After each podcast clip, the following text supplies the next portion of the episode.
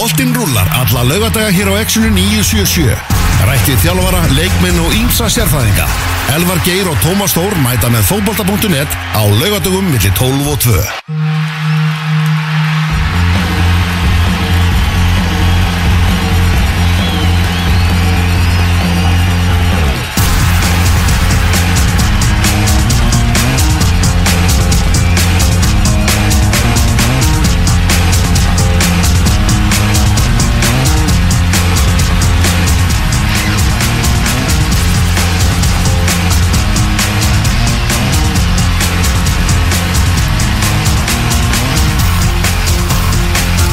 Komið sálblæsuð og verið velkomið með okkur í beina útsendingu frá Suðurlandsbrautinni mútastátturinn fótbolti.net lögadaginn 12. september þátturinn verður þrískiptur hjá mér og Tómasi að þessu sinni Við ætlum svona að byrja þetta bara á íslenska boltanum og öllu því sem að þar hefur verið í gangi mjölkurbyggarinn og svo náttúrulega ofursunnudagur í Pepsi Max á morgun Svo ætlum við að eh, gera upp þennan landsliðsglugga Freyr Alexandersson, hann er í, í uh, hvað er þetta, heima smitgátt eða eitthvað?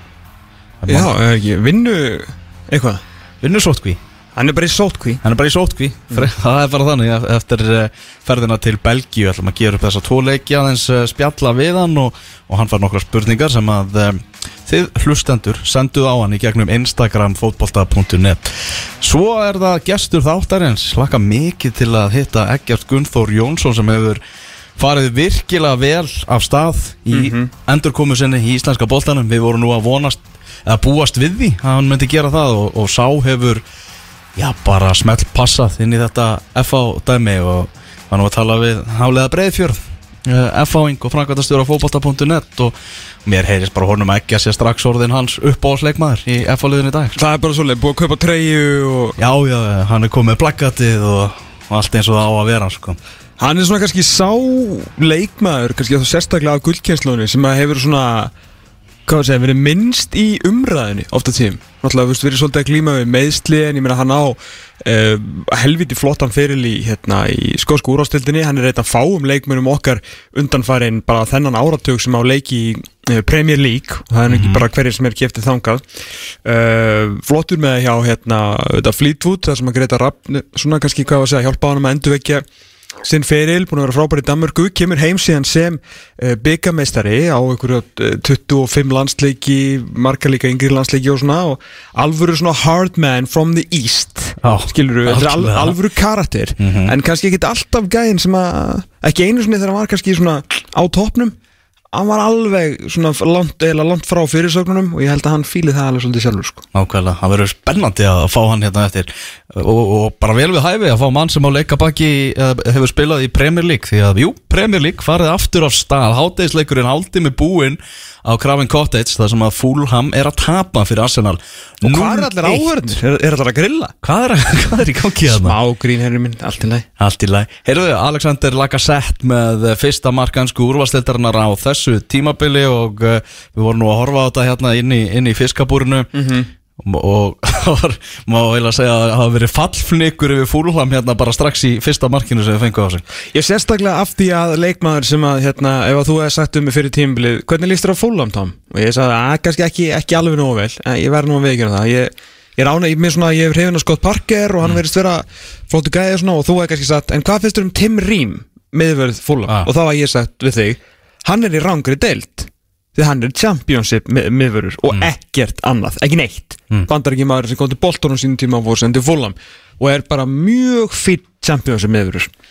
Hann fer hana, fær boltan svona til sín og ætlar að að reynsa boltan burt frá tegnum, frá hættusvæðinu sem er sem sagt, starfslýsingin hans nema hann sparkar með hæri í vinstri, aftur í hæri það að fyrir boltin á viljan sem næri einhvern veginn að tróða boltanum og laga sett og þar inn, hann Æ, að æ. fyrsta marki svona smá sprellimark og þetta leit ekki vel út. Já. en stór tíundir hérna, við kannski tölum aðeins um premjölíku eftir en uh, Alexander Mitrovic er á bekknum hjá fúla Já, þeirra helsti markaskorri, það er ekki veðjað á hann í fyrsta leik. Já, en hann kemur vantar að fljótlega inn á ef að, ef að staðan helst svona. Já. Uh, það er náttúrulega allir leikið síndir núna áhörundabanni í gangi og það er verið að dreifu svo vel þannig að það er bara einn stór skamtur af ennska boltanum fyrir fólk eins og mögulegt er. Já, það er bara svona svo kallega COVID-skamtur Já, Crystal Palace Southampton það verður, hann verður klukkan 2 svo er það stórleikurinn Liverpool Leeds sem verður klukkan 16.30 og svo mætast West Ham og Newcastle klukkan 7 þetta eru leiki dagsins náttúrulega Manchester United og, og Manchester City býða með, með sína leiki fengu aðeins lengra frí heldur en aðrir sem Þeir- þýðir að Jói Berg byrjar ekki strax heldur. Hann byrjar ekki alveg strax. Já, vonandi mun Jói Berg eiga, eiga flott tímabil með börnli núna haldast heill því að hann er náttúrulega loka árið sín samnings. Einmitt, ég, hérna, ég, er með gó, ég er með gott væp fyrir Jóa þetta tímilið Já, er það ekki? Jú, ég er með gott væp fyrir hann. Já. Skorað um daginn í æfingarleik og verið að spila og bara ég, ég með, það er eitthvað við þetta hjá hann í ár Já, heyrðu það var skoðanakonunin á .net. Mun Liverpool verja titilinn á komandi tímabili? Þar erum við að tala um að 62% segja nei eh, 38% já.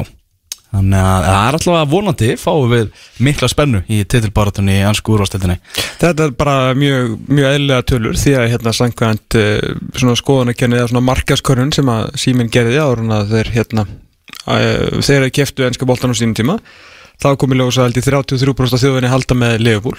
Já, uh, og þetta, þetta, þetta hafa verið allir Liverpool menninir og síðan svona nokkur hlutlausir sem að finnst Liverpool góður það er bara ekki flóknar þannig að þessi, þessi tala held ég bara horrið Það er algjörlega þannig.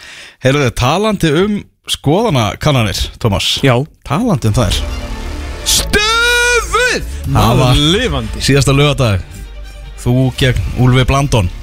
Já Stiltu saman tveimur draumaliðum Tveimur virkilega upplugum og skemmtilegum Draumaliðum Pepsi Max deildarinnar. Uh, Létum hlustendur kjósa í gegnum Instagram.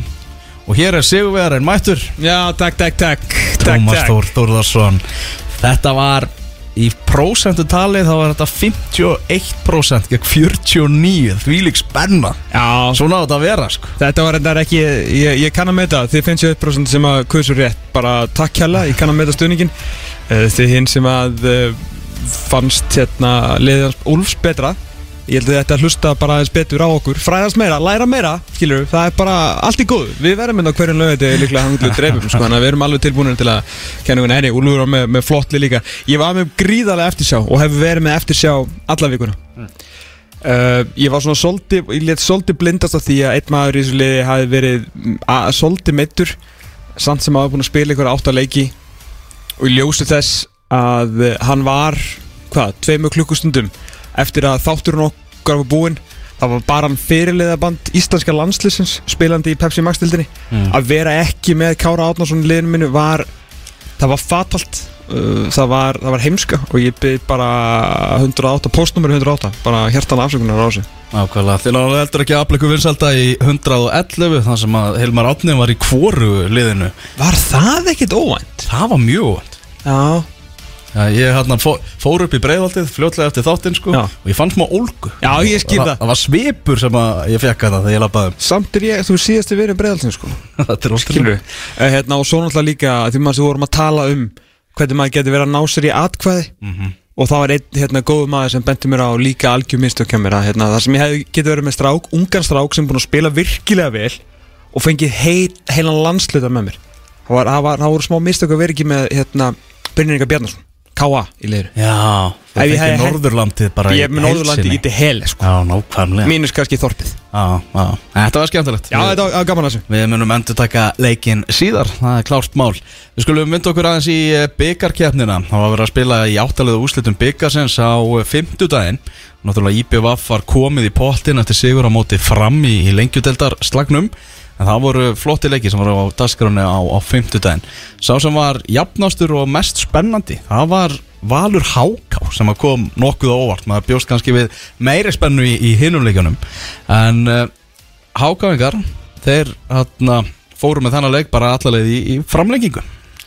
Ég meina hákagundur hafa verið bara flottir á undarförnu og þetta hendaði þeim svo sem held ég ágætt líka, ágætlega svona, svona leikur þar sem að ég held svona valsmennir hafi kannski komið ef að segja örlítið væru kerrir inn í þetta uh, náttúrulega með, þú veist, Haug Pál, Sigalár, Aron Bjarnar uh, alla, alla á varamannabæknum en það skiptir svona svo mikið máli, liðið sem þið stilt upp er ansi gott, að síður, svona kannski strákar sem hafa verið að að spila minna Orri, Einar Karl, Birgir Heimis allir í byrjunlegin í þessu leik sem að Orri, hægri bak Orri hæri baki á Ah. þannig að líka þegar þessi leikskísla kemur inn það er auðvelt fyrir Brynjar og Viktor að fara inn í klefa bara herru veist, þeir svona eiginlega þú veist, þeir eru ekki að taka þetta hundrað Mhm. ef við ekki bara fara í semifínalin og vera tveimur þú veist, ef þú kemst í undanúslitin í mjölkubíkarnum þá er 180 mínútum frá sko Eurotrip Já, 180 mínútur frá 40 miljónum sko.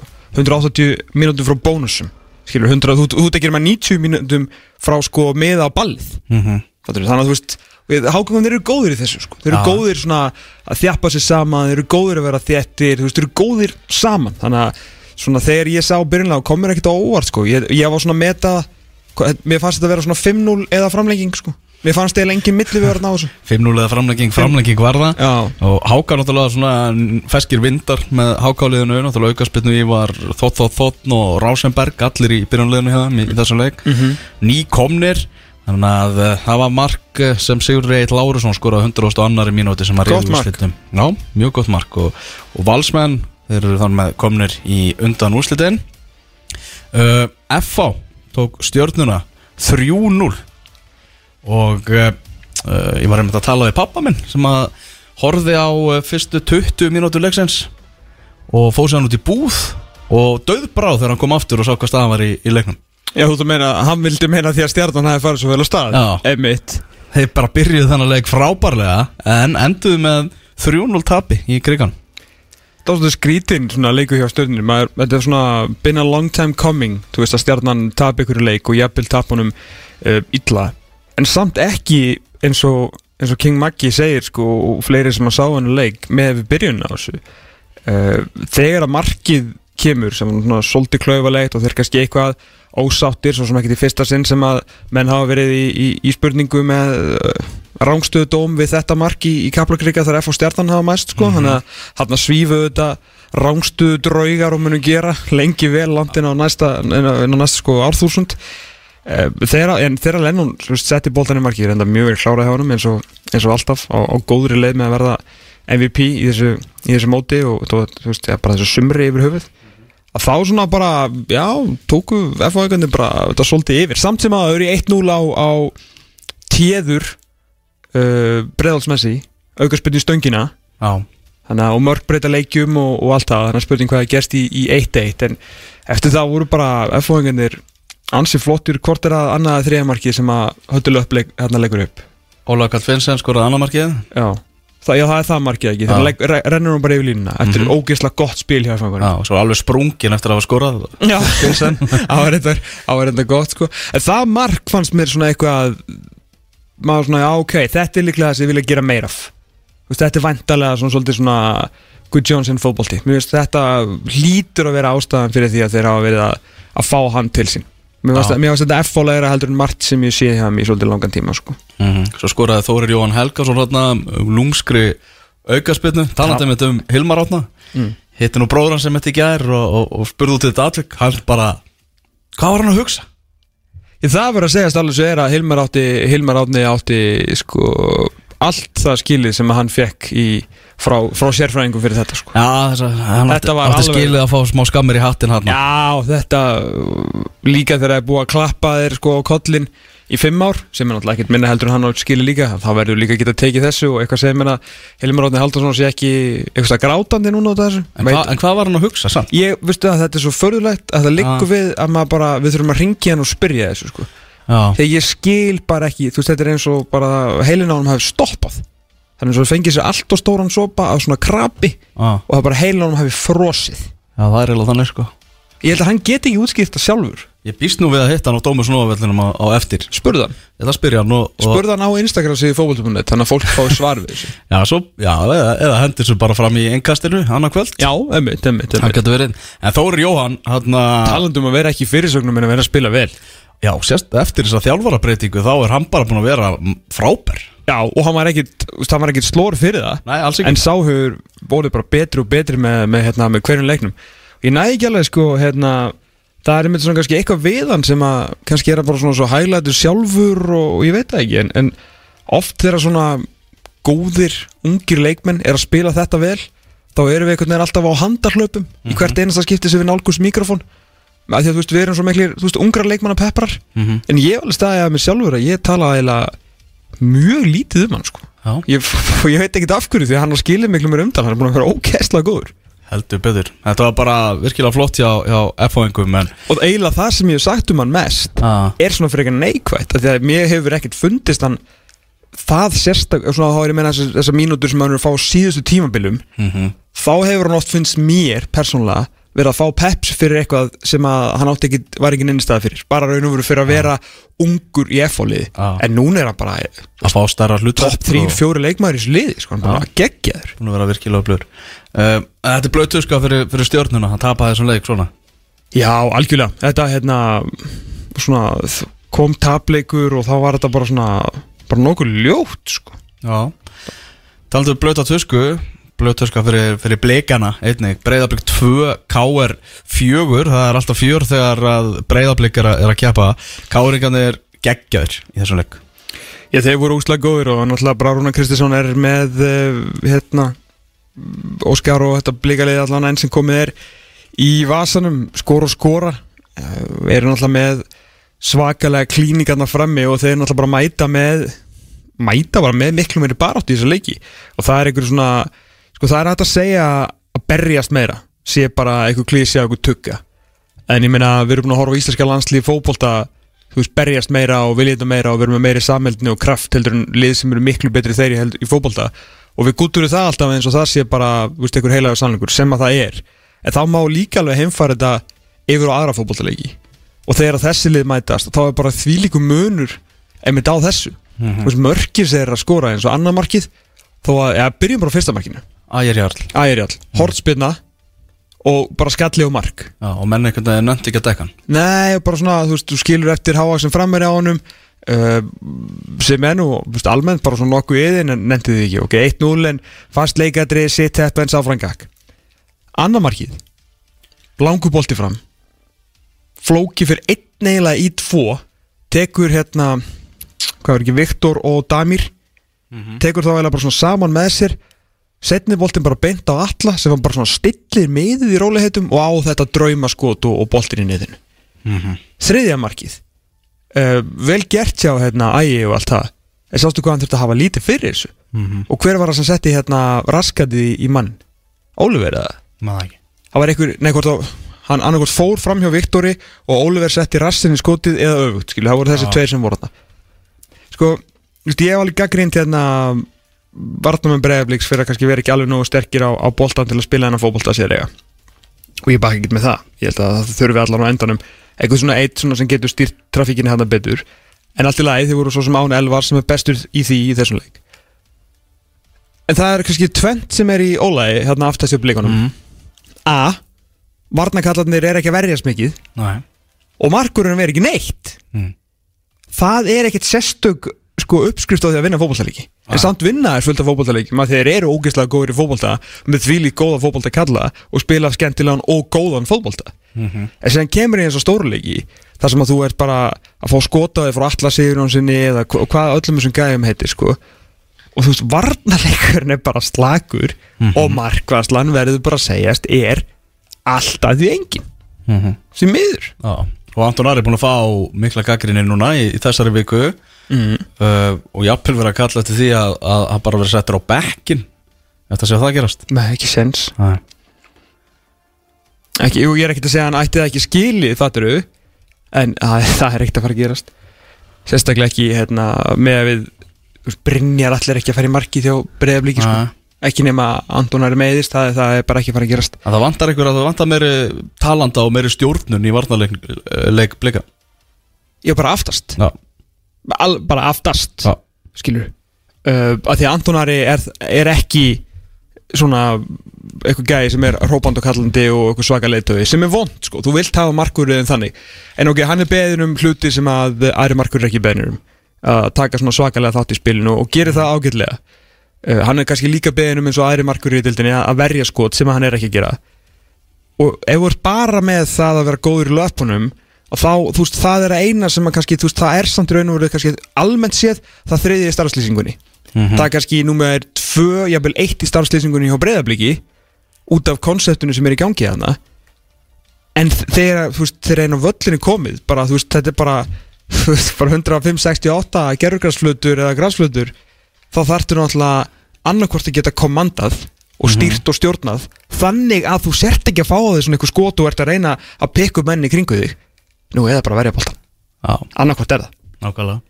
En, en þú veist, það fyrir Antonara er að við höfum séðan gera þetta allt saman Mhm. þegar hann var besti markurinn á landinu þá varð hann hvert einasta helviti skot sem kom á markið Mhm. þannig að það er ekki eins og við sem að beðum að gera eitthvað sem við höfum aldrei séð hann gera hann þarf bara að fara að finna þú veist, hann bara að fara að finna vals sjálf, sjálfið sér sko. Mér, sko, við viljum náttúrulega hafa spennandi baráttu um Íslandsmeistartitilin og Já. mér finnst eitthvað breyðablík vera okkar sterkasta von um að veita val samkeppni og fá, fá spennum um hennar titil?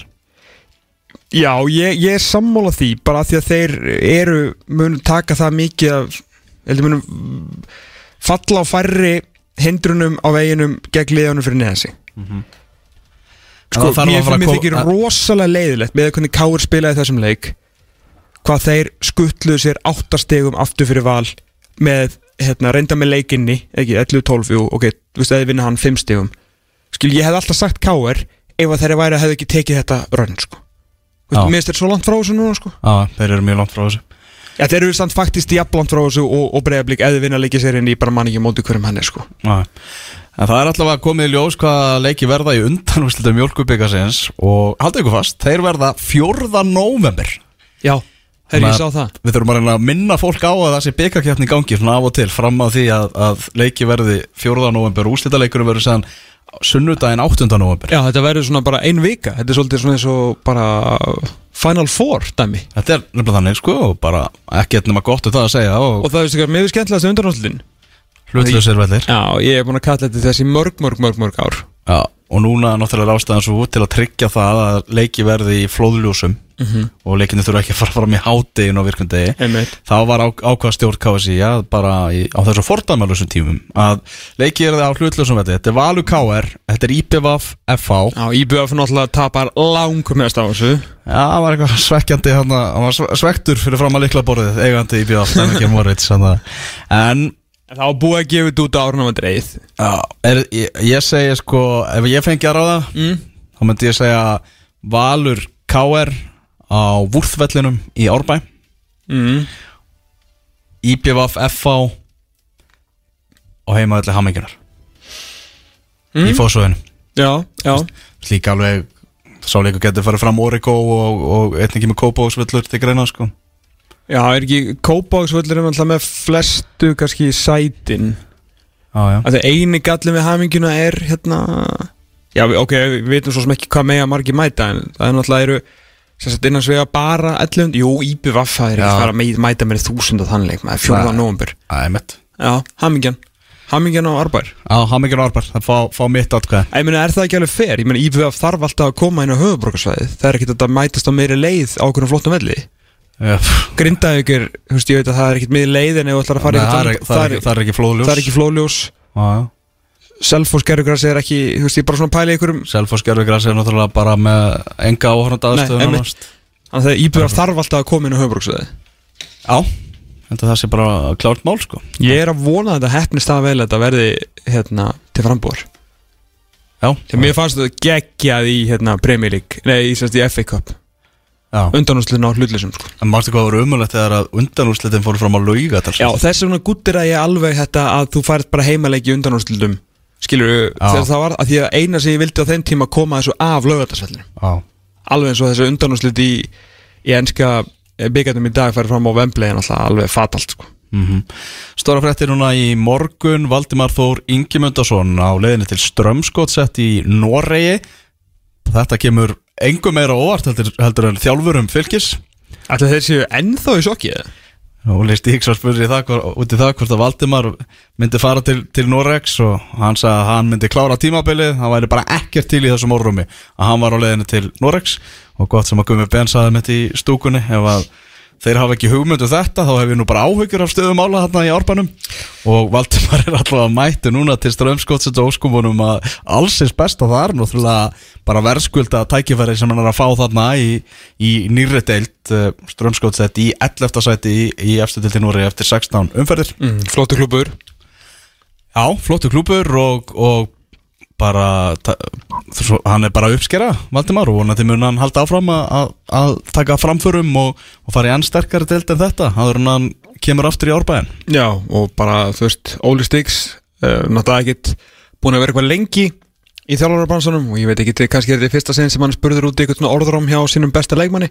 Uh, og þá segjum við alltaf bara everybody gets one, ah. Þú veist, þetta er bara tók rángan pól í hæðina að vera með bara segðu bara no comment eða hvað sem er skilur ekki, ekki bulla, Ekki ljúa ekki ljúa Okkur, mest leiðilegt að vera þeirra að ljúa Já, líka bara þú veist aðalega fyrir hann að því að Óli Stíks er topp maður og Já. bara hérna bara lítur hitt út fyrir hann og fylki þegar og hvað þá þú veist ég meina árbæðinga þú mátt ekki gleyma því heldur, það gleymist mjög oft. Mm. þeir sem er að fara í viðtöl þeir halda alltaf að þeir sé að tala um mig og þig. Já, risastór miðkillingur. Fjölmiðl er náttúrulega sko að miðla til fjöldans Mhm. það segir sér sjálft það er náttúrulega í nafninu sko fjölmiðl, Við erum fulltrúar fjöldans, við erum fulltrúar stuðningsmanna liðsins það er nefnilega svolítið Já, málið já. þegar þegar Óli Stí- Stígs sagði blákallt að hann ekki tert um þetta og var ekki til í þessu þá var hann basically að ljúga því að stundismennu fylgis að besti leikmaður þeirra myndi klára tímbilið Mhm. þá ert þú þá ert þú bjart sín sem fylgismæður af því að Valdimar, þú er Ingemyndarsson getur klárað nánast hvaða liði í þessari del sem er mm -hmm. Svo vaknað þú eitt lögutarsmorgun búin að fara í bakariðið hress og kátur, jafnvel kannski að hlusta á bakariðið á bylginni og við rétt árnað þú veist náttúrulega viðbyrjum og þá er besti leikmaðurinn farin þvert á það sem að þjálfariðin sagði fyrir nokkur vikur síðan. Með að við yfirlýsingu fylgist það verðist að vera bara takk og bless að hann sé bara búinn að leika sem síðasta leik fyrir fylki í bili og, og ég veit það að káamenn á Akureyri fagna því því að það er káa fylgir á morgun í Pepsi Max deildinni. Já. en eins og ég tek undir bara með þér fyrst og fremst til hann mikið Valdimar Þór. Bara gaman að hérna já, þetta er mér finnst það flott skref. Þetta er flottu klúpur og að verið dögulegir eins og sem fleiri nor norski klúpar voru kannski svona ein, einn af þessum klúpum sem að leiti svolítið þessa herrferði að nota yngri leikmenn. Þetta er náttúrulega Martin Öðegard Ronny Deila lið sem að tók móti hérna við márið Heldur betur, svo er líka leikur á morgun HK og Ía í kórnum klukkan 19.15 þá erum við búin að koma þessum leikjum frá og þá er það bara ofur sunnudagurinn. Það eru þrýr bilaðir fótbollaleikir á morgun í Pepsi Max deildinni. Sannkallaður ofur sunnudagur og þetta er raðað upp bara eins og best verður á kosið. KR Stjarnan verður klukkan 2 F á breyðablík klukkan 16.30 svo er þetta að fá sér kvöldmatt Valur Víkingur klukkan 8 Þetta er bara algjör veistla frá 2 til 10 um kvöldi Það er rosalegt. Þetta er rosalegt aðeins sko. Uh, Já, byrjum bara á, á KR stjörnunni. Spá, Spáðu nú í spilin, Thomas. Uh, Ég held að knastminu fyrir Reykjavík vinnið henni leik og vinnið hann bara svona nokkuð uh, nokkuð þægilega sko. Þetta verður uh, já, nokkuð þægilega, þetta verður ekki rúst sko en, en ég hef tröll að trú á leik. Þetta verður, þetta verður harkan 6 mm -hmm. mm, það verður uh, það verður svolítið svolítið kýlt og sparkjað. Það verður að nái og, og svona það verður hiti og harka en uh, þetta er svona síðan munu töfrar alla sigur og svona held ég klára þetta á endanum sko. Mm, Kenny Choppart komin á meðslalistan Þannig að Hjalti Sigursson er mættur hérna Eftir að vera í lánu hjá, hjá leikni. Samklist honum algjörlega að fá þetta tækifæri. Bara grípa. Grípa og, og ég full að tróð því að hann verði framtíðar hægri bakurður káringa næstu árin. Uh, F.A. breyðablík á Kaplakrika velli. Þetta er sá leikur sem ég er mest spenntu fyrir uh, ég skil það mjög vel. Þrjú þrjú í fyrirleiknum Mm.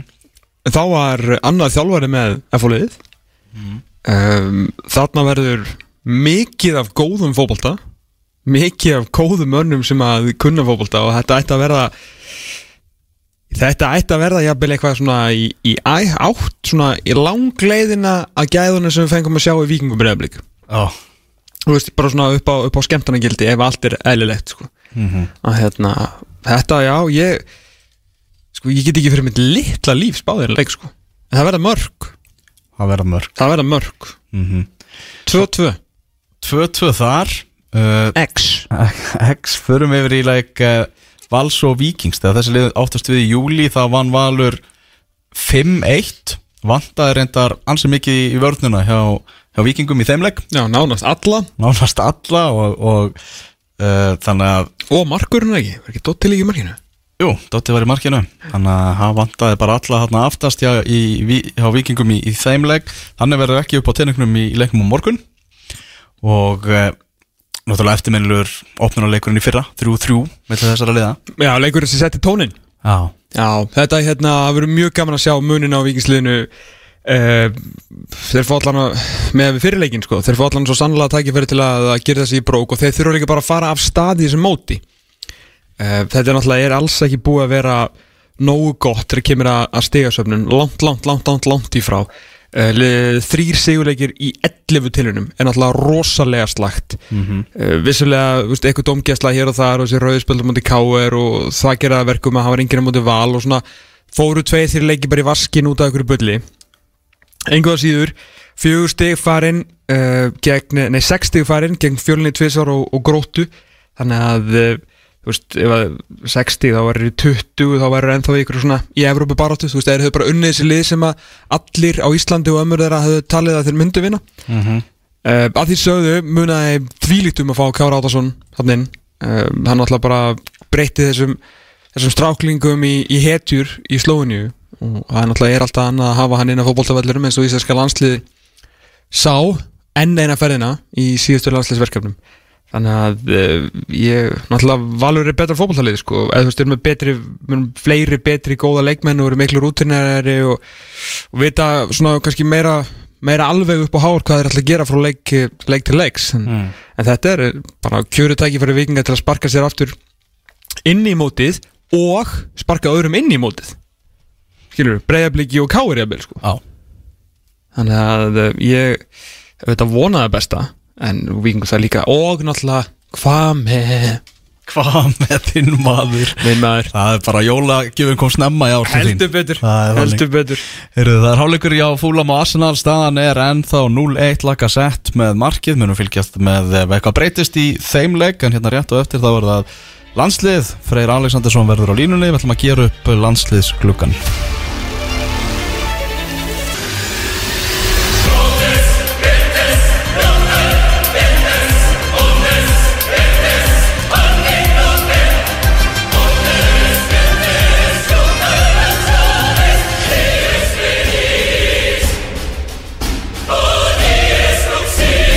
Já, hún er farin aftur af stað þjóðadeldin, reyndar umdelt að hún sé farin aftur af stað en það er önnur saga. Ísland búið að spila tvo leiki í þjóðadeldinni töpuðum náttúrulega fyrir englendingum hérna í þessum dramatíska leik og eh, síðan eruðu já, eruðu belgarnir bara allt of allt of allt og stór biti fyrir okkur unnu afskaplega sannfærandi 5-1 sigur á uh, þriðjudaginn. Tómas, hvernig fannst þér sáleikur? það er rosalega lélegur nema þetta í tværmyndur Já, það var svona erfiður setni áleikur Já, ég hérna Það er bara ekki sérstaklega oft sem maður er eitthvað uh, ósáttur við þetta lið en mér fannst svona framlægið og trúin viljin svona og, og allt sem að einhvern veginn Ísland á að vera í setni hálfleik bara fjaraði einhvern veginn út og hérna maður séð áður sem mútið Sviss og svona og þetta er erfitt þegar ég veit uh, skilur, geðveitt lið sem vorum að mæta vantaði nánast alla bestu kallan okkar. En uh, margt á það sem maður bara ekkert sérstaklega sáttu með hvernig menn voru að verjast, hvernig menn voru að taka fara inn í návíi og svona einhvern veginn.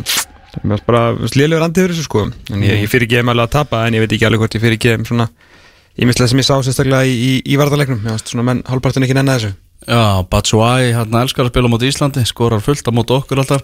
En sko sem ekkert annars þar Nei, það er, það er pirrandi. Eru 2-0 fyrir Arsenal? já.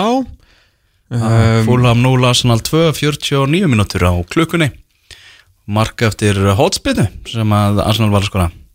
Já, glæsilegu varnleikur hérna hjá uh, Fúlam aftur í, í dildinni og þetta er uh, Gabriel Magahalalalagalales uh, nýji brasilíski miðvörðurinn að skora í svona fyrsta leik fyrir Arsenal. Ég skal segja ykkur það. Ég skal segja ykkur það. Herði já, þessi landsleika klukki Ég samt sko á heldina litið Þá er ég bara bjart sýtni fyrir þennan Rúmeníuleik heldur en ég var fyrir landsleikjarklugan Sammála.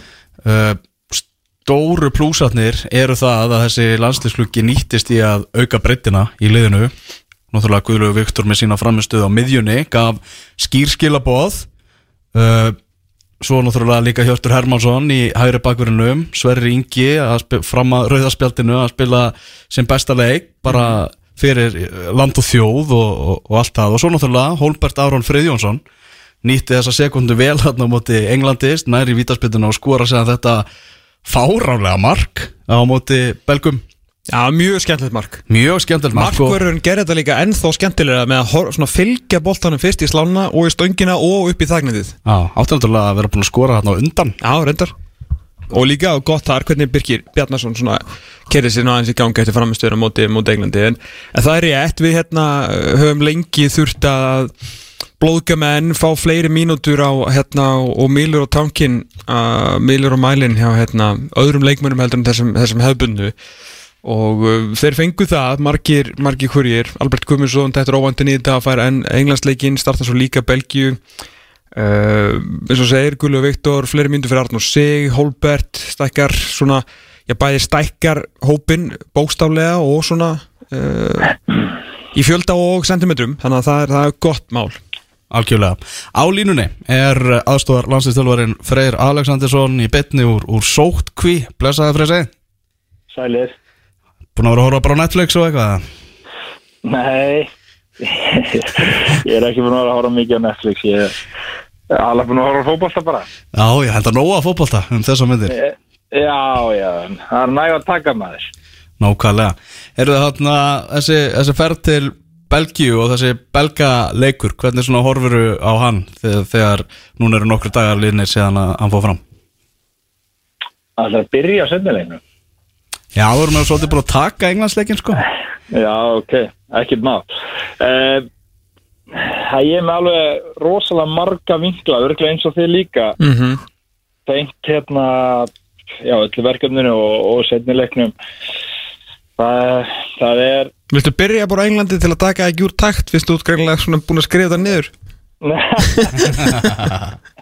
nei, nei, allt í góðu sko Ég bara veit ekki alveg hvar ég á að byrja Þetta er svo opin spurning hjá, hjá þér alveg að Ég gæti núna hafið ræðu og talað í 40 myndir stanslust og það, við nennum því ekki sko Já, þannig að byrjum bara eh, smá, þú veist, jákvætt við Belgíuleikin. Byrjum á því jákvæða.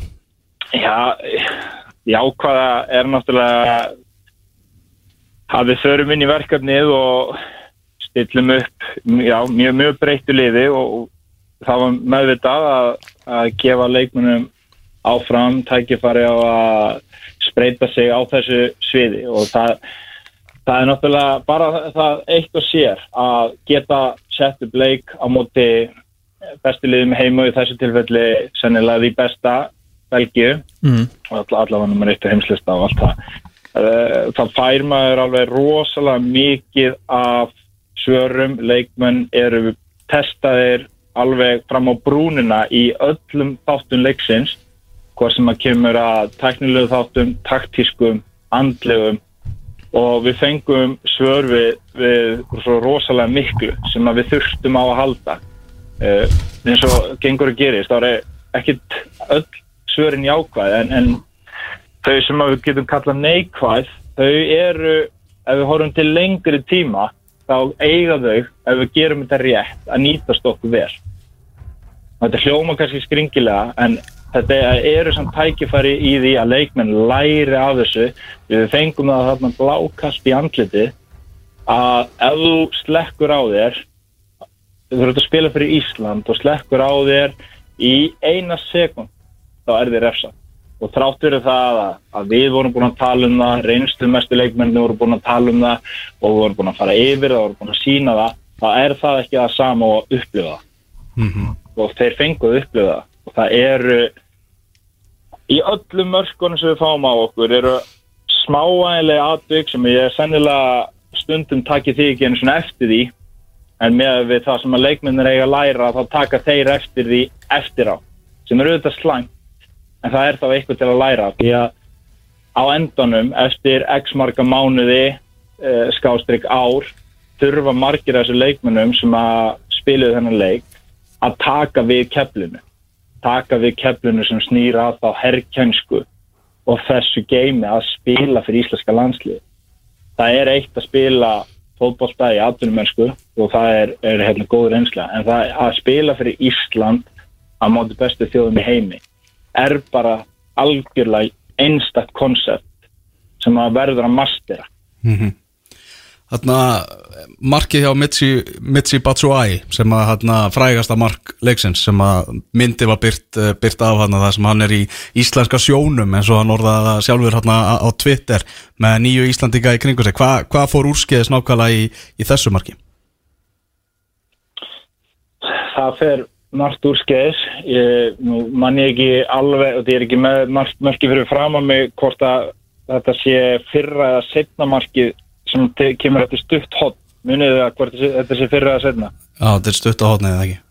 Já það er komið tvö eftir stutt hot Já, og í báðum atriðum þá ég ætla ekki að taka út neina leikmenn þið, þið verið það við mig. Mhm. en, en það eru það eru leikmenn sem að skila hreinlega ekki þeirri vinnu sem að á að skila í upp, þetta eru, uppstilt atrið og það er, mjög skýrar vinnureglur hjá okkur þegar svona er settu og það er hreinlega þannig að, að leikmenn svissa hvað hvernig, segir maður að slökku á sér í augnablík og það er nóg til þess að bóltanum standa Jeremy Doku Dries Mertens og Kevin De Bruyne. Þrýra móti tveimur með 20-20 metra svæði og þeir, þeir spila sig í gegnum það svæði. Það, þeir ná alltaf búa þessi stöðu til þess að komast inn í tegin á hættusvæði og velja úr sending. Svo gerist það að allir verða ballwatching í þessu Michi Batshuayi marki og enginn tekur frumkvæði og hreinlega bara tekur hann úr leik. Já, eins og bara þessi fræga mynd sem hann nefnir, það þarf ekki nema einn af þeim bara hreinlega að markera hann. Og þá eru ennþá með fjóra að kofra svæði það hættu svæðin þar að segja. Þannig að já, ég geti farið í gegnum dítela í, í öllum mörkunum. Og það eru þessi dítelar sem að sem að bara svíkja liði en það er mikill, mikill lærdumur því, það sami fyrsta markinu, það er aukarspilna þar sem að menn klára ekki verkefni sín, eina vinnureglunum okkar eru að þeir eru aukarspinnur þá eru þar að venda markmannin og það er ákveðin vinnuregla við það að venda markmannin sem því þá þú ert að stíga út menninu sem eru í tegnum þannig að þeir geta ekki farið óreittir en það enda þannig að Alex Witzel er fyrstur á boltan og við erum fjórir að nynni sko. Þú veist, þetta er bara þessi dítila sem það þarf að læra og annar markið til minni hvernig það var og augljóst mistök í því Sko, það sem, ég, það sem ég hef haft svona ágjur af með, með svona þá sem að eiga alltaf að fara að taka við, við keflinu uh, þú veist, ég er löngu og ég, mér við hljótum flest öll, við erum búin að löngu búin að sætta okkur við það að þú veist, þessi gullkynslan heitir gullkynslu for a reason, skilur, næstu menn inn eru kannski ekki endilega jafn góðir og það er bara allt í lagi, þú veist, þannig eru bara kaupinu og eirinu og allt það, hver veit nema skilur kynnslóðun eftir því verði ennþá betri þú veist, þetta er eitthvað sem við, við ráðum ekki við En það sem ég hef haft ágjur við með þetta er þegar þessi strákar hafa verið að fá mínútur og mér fannst að sjástemmindi í öllu sem að þú ert að lýsa núna. Auðvitað er þetta, þú veist, það er ímið svona taktík og vinnureglur bara inn á vellinum. En líka bara svona, þú veist bara attitútu sem þú talar um bara svona að mann markera eitthvað gæja, þú veist, það tekur engin ábyrð í þessu. Uh, önnumörk, þú veist, á hans að vera að nefna ykkur nöfn, þú veist, menn eins og Dries Mertens markið, hann var að lappa þarna einn og ekkert inn í teiga eins og nokkur, nokkur snertan þú veist, ég veit alveg að Gilvi og, og, og Jói og Alfreð og þessi strákar og Kári og Raggi eru betri kannski almennt heldur en þeir sem voru að spila þarna. En, en þú veist, þú þarft ekkert mikið þú veist, vörn er oft bara vilji, skilur þú veist, það, það, þú veist, ég hef miklu meira ágjör um þetta af, þú veist, þessum svona þessu attitúti og, og, fara eftir þessu reglum sem þeir eru að setja heldur nokkuð tíman gæðun með þessu leikmannum, sko. Uh, ég, ég er alveg sammálaður í því og attitude er, orð sem er hægt að miskila eins og menn séu þá kannski að haga sér ítla Nei, nei, bara, þú veist, bara gott attitude towards the game, skilur, bara Já, og, og þetta snýst út um þá attitude uh, gagvart vinnureglum liðsins Mhm. að því við þurfum að- og það hefur verið og það sást vel í englandsleiknum að þegar að hugafarið og einbyttingin gagvart vinnureglu liðsins er í toppi þá getur við staðist öllum liðum snúning. Nákvæmlega, þess vegna var það, niður, Já. akkurat, ef við droppum niður um 2-3% mm bara, ég er ekki náttúrulega með prósentum mælum gáði, en mjög, við þurfum ekki að droppa nema örlítið, Mhm. það lendur í vesinu og í Dries Mertens markinu þá töpu einn og einn stöðu þar aftur eftir stuðstól. Mhm. og töpu einn og einn stöðunni þar sem við seljum okkur í einn og einn stöðunni hjálpaðurinn kemur ekki eitt leikmaður er kloppaður. Gulli lendur með Dries Mertens í fanginu inn í markteik Já, og, og Gulli selur sér ekki, hann stendur ágætlega. En þá kemur að því, ef þú leifir einhvern leikmanni svo Dries Mertens að lenda einn og einn aður inn í markteik þá ertu bara að bjóða þeim upp í dans. Og, veist, og, og veist, Gulli með hann í fanginu og getur svo sem ekkert annað gert en að reyna að halda honum frá má ekki selja sig og það er eina vinnureglunum okkar. En Mertens tekur frábært þött og næri einhvern veginn á ótrúlega skrýtnum tempói skoti í nærhóðni Mhm. þannig að það er ekkert að kenna í rauninu ömma og gulla um þetta og það þeir eru síðustu tveir í atbyrðarásinni hvað gerist í fösunum að það rétt á undan til þess að, einang, að leifa þess ekki einangra sér einn og einn stöðu inn í vítateg Mhm. það, er- það eru þessa vinnureglu sem við þurfum að læra. Við þurfum að læra hratt og það og mitt sjónarhótt af leiknum er, auðvitað er ég aldrei ánar að tapa og hvað það er, það er stórt. En ég, ég verð að horfa á þetta þannig að þessi leikmenn þurfa að læra. Þetta þurfa að læra hratt og það er partur af þessu prósessi sem við erum að fara í gegnum núna í þessari Nations League. Það munu ekki bara í þessum glugga heldur líki næstum tveimur munu fullt að leikunum fá áfram sjens því það er bara partur af prógraminu núna við verðum að gera það. Mhm. Og líka bara, þú veist, Já, ég meina, þú veist, þeir hafa sjálfir og, þú veist, vinir og foreldrar, allir vilja, þú veist, margi hverjar þeir fara að spila fleiri mínútur og það er allt, allt gott að blessa og það er auðvitað ósangjart að fara einhvern veginn, já, það er ekkert ósangjart, þetta er bara Nations League aðild, þú veist, leikurinn er á móti Belgíu og auðvitað vanta fullt af leikmönum hann, en þú veist, þeir eru, bara svona, ert ekki, þú veist, eins og ég segi, aftur, þú veist, gæðin, gæðin eru eitt, en þú séðan bara vilji og hugafar er bara, er bara allt annað, sko, þannig eins og segi, en hvað gerir þú, hvað, þú veist, hvað er þá næsta skref hjá þér og hamræðin að, þú, þið getið kent um fótbolta og taktík og, og vinnureglur, en, en minna, hvernig ætlar að, hvernig ætlar að koma bara, þú veist, installa þessu hugafar, þessu talum? Þa, það er náttúrulega margt um við getum gert. Í fyrsta lagi er að greina öll einangru atvik leiksins og fara yfir þau á uppbyggilegan hátt með einstakalegmunum Mm -hmm. það er að segja fara yfir og það er þetta sem klikkar og þetta er ástæðan fyrir því og hvernig átt að gera þetta? Láta leikmann svara því og fara yfir. Það það er það sem við getum gert. Mm -hmm.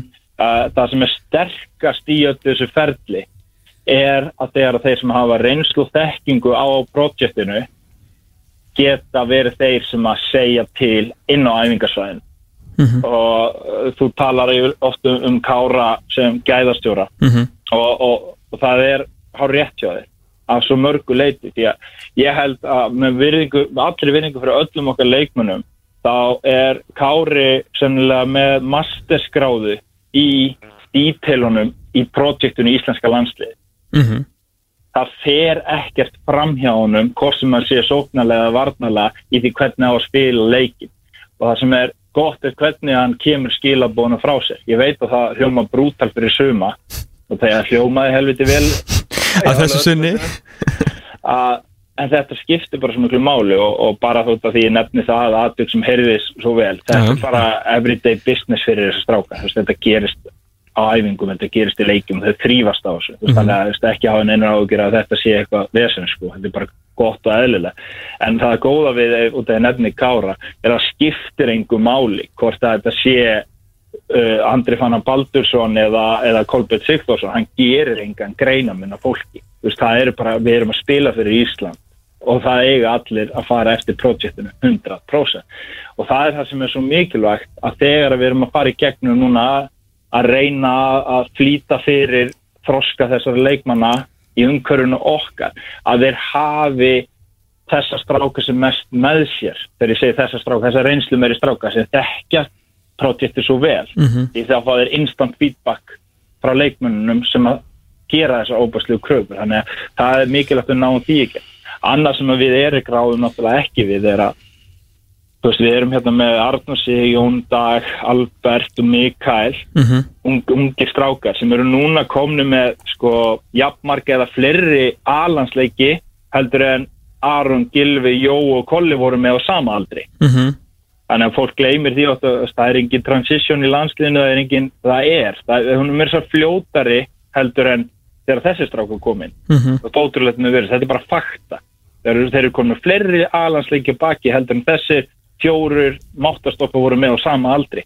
En stóri, stóri munurinn er á þeim tíma þá var til dæmis Aron Einar komið 90 leiki í Championship. Nákvæmlega. Gilvi var komið með eitthvað 70 leiki í League One og Championship. Jói 80 leiki í úrvasteldinni í hérna Hollandi og Kolli eitthvað svipað. Mhm. Þú veist, það er þarna sem munurinn er. Og það er óbúslega lítið sem við getum gert í, í þessu, við verðum bara reyna að hjálpa þeim og svo verða þeir að þroskast eins hratt og kostur er á og, og fá stór hlutverk í félagsliðana sinni. Já, já Þið hérna, náttúrulega, allt snýst þetta í raun og veru með þessi vetur snýst um uh, amalið mitt í raun og veru, 8. óttabær uh, Já, Svona, til að, til að byrja með allan og svo við til hvort við fáum með á ballið í, í november Rúmenía, uh, þið uh, Já, þið heldur ykkur mjög til haga með hérna, Hamræn Fórens London Gat með hérna, gaggrína Gat og vildi með hérna, gaggrína og, og, segja, og gaggrína ekki sem sagt strákuna sem að mætti ekki í þetta verkefni. Uh, og bara allt í góðu með það. Hérna, en þið erum að nota orðið að þið, þið ættist til að þér mæti eftir mánuð? Ef, að- ef að allt er, þú veist, eðlilegt? Já, við, veist, það verður líka sko að halda þetta laga, Erik var náttúrulega settur í óbúslega vondarstöðu. ja, algjörlega, sko, en eins og sem segja, hann leist þetta vel. Já, þú veist, hann, hann þarf að verja liðið sem hann þjálfar mm -hmm. og fyrir þessar ákvörðun. Og samaskapi þá hefur hann átt mjög góð samtöl við alla þessa leikmenn um þessa ákvörðun og þessa stöðu. Þannig að þetta er allt gert í eins góðu tómi og kostir er á. Og Mhm. já, þessi stráka mæta til leiks í óttúber er svo lengi sem heilsa er að vera í lægi og, og það lítur vel út núna þegar þetta er góð ákvörðun fyrir þeirra heilsu. En hún er vond fyrir undirbúning leiksins. Og svo þarftu bara að vega og metta ok, hvað verður það góða fyrir liðið í óttúber og það getur bara fram, framist að leiksins leitt til ljós með. Já, en ef við tökum algjöra políunu að þá fengu þið eh, til dæmis út af þessum ákvörunum þeirra sem að klálega gætu verið góðar fyrir framhaldið, náttúrulega að bara Rómaníuleikin, þú veist, þeir halda áfram að spila í, í góðum liðum, í góðum deildum uh, haldast heilir og þú veist ef við nefnda næst að við förum að EM skilur það er allt gott. Og þú hefði mögulega aldrei fengið eh, þessa 90 mínútur frá Gulla á, á, á miðunni til að gefa ykkur hausverk, þú veist, að góðan hausverk fyrir það verkefni, sko.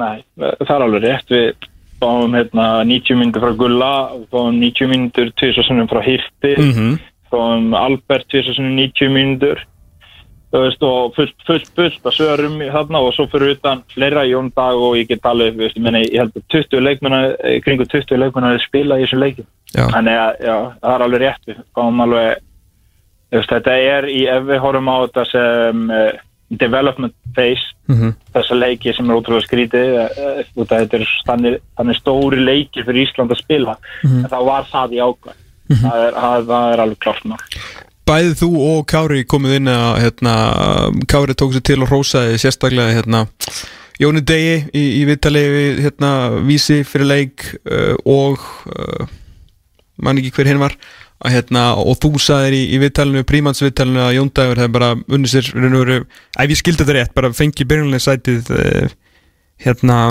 á, á merit, bara á, á æfingavíkunni þannig að veist, það voruð að sína að það skipti máli að taka æfingavíkur almennilega? Já, við vorum, við vorum að því. Það, sko, það er náttúrulega nýsjátt hvar menn standa hvað byrjunlega sæti í alansliðinu og, og það eru leikmenn eins og eins og ég tek bara fyrirlegan Aron Einar. Mhm. hann, hann hefur ekki skrokk í það að vera alltaf besti leikmaðurinn á æfingum fyrir leiki og við, við tekjum hann sögu að stundum hefur hann bara líku við skokka í gegnum æfingu og svo spilar hann.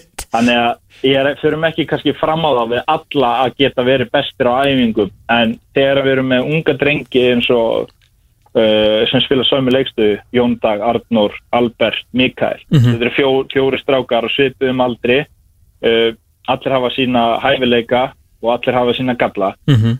uh, og þegar kemur inn í, í þetta verkefni þá var Jón Dagur bara hann, hann skilaði leikfræðinni á æfingum óbúslega vel, hann komið með sjálfströst hann var með mikinn aga og, og gæði í því sem var að gera og þegar var svona, það er svo óbúslega stutt á milli þá er það á endanum það sem að hefur úslit aðkvæði í þessum leikjum. Mhm. að hann fær síðan sinn. Já, já. Ok. Hvað hérna rétt bara í lokin nema Elvar hafa eitthvað meira um íslenska landslið Hvað, hvað varstu um ennskan landslið? uh, Ennska landsliðið fannst mér bara svona svipað og ég átti vona á í rauninni. Ég vissi að ég myndi koma með frekar svona létta unga miðju og mér fannst þeir þeir eru náttúrulega óbúslega góðir á mörgu leiti en þeirra er tekið svæðið frá þeim til þess að fara í transi þess að sé skipta úr vörni sóknaðala þá er mikið tekið frá þeim.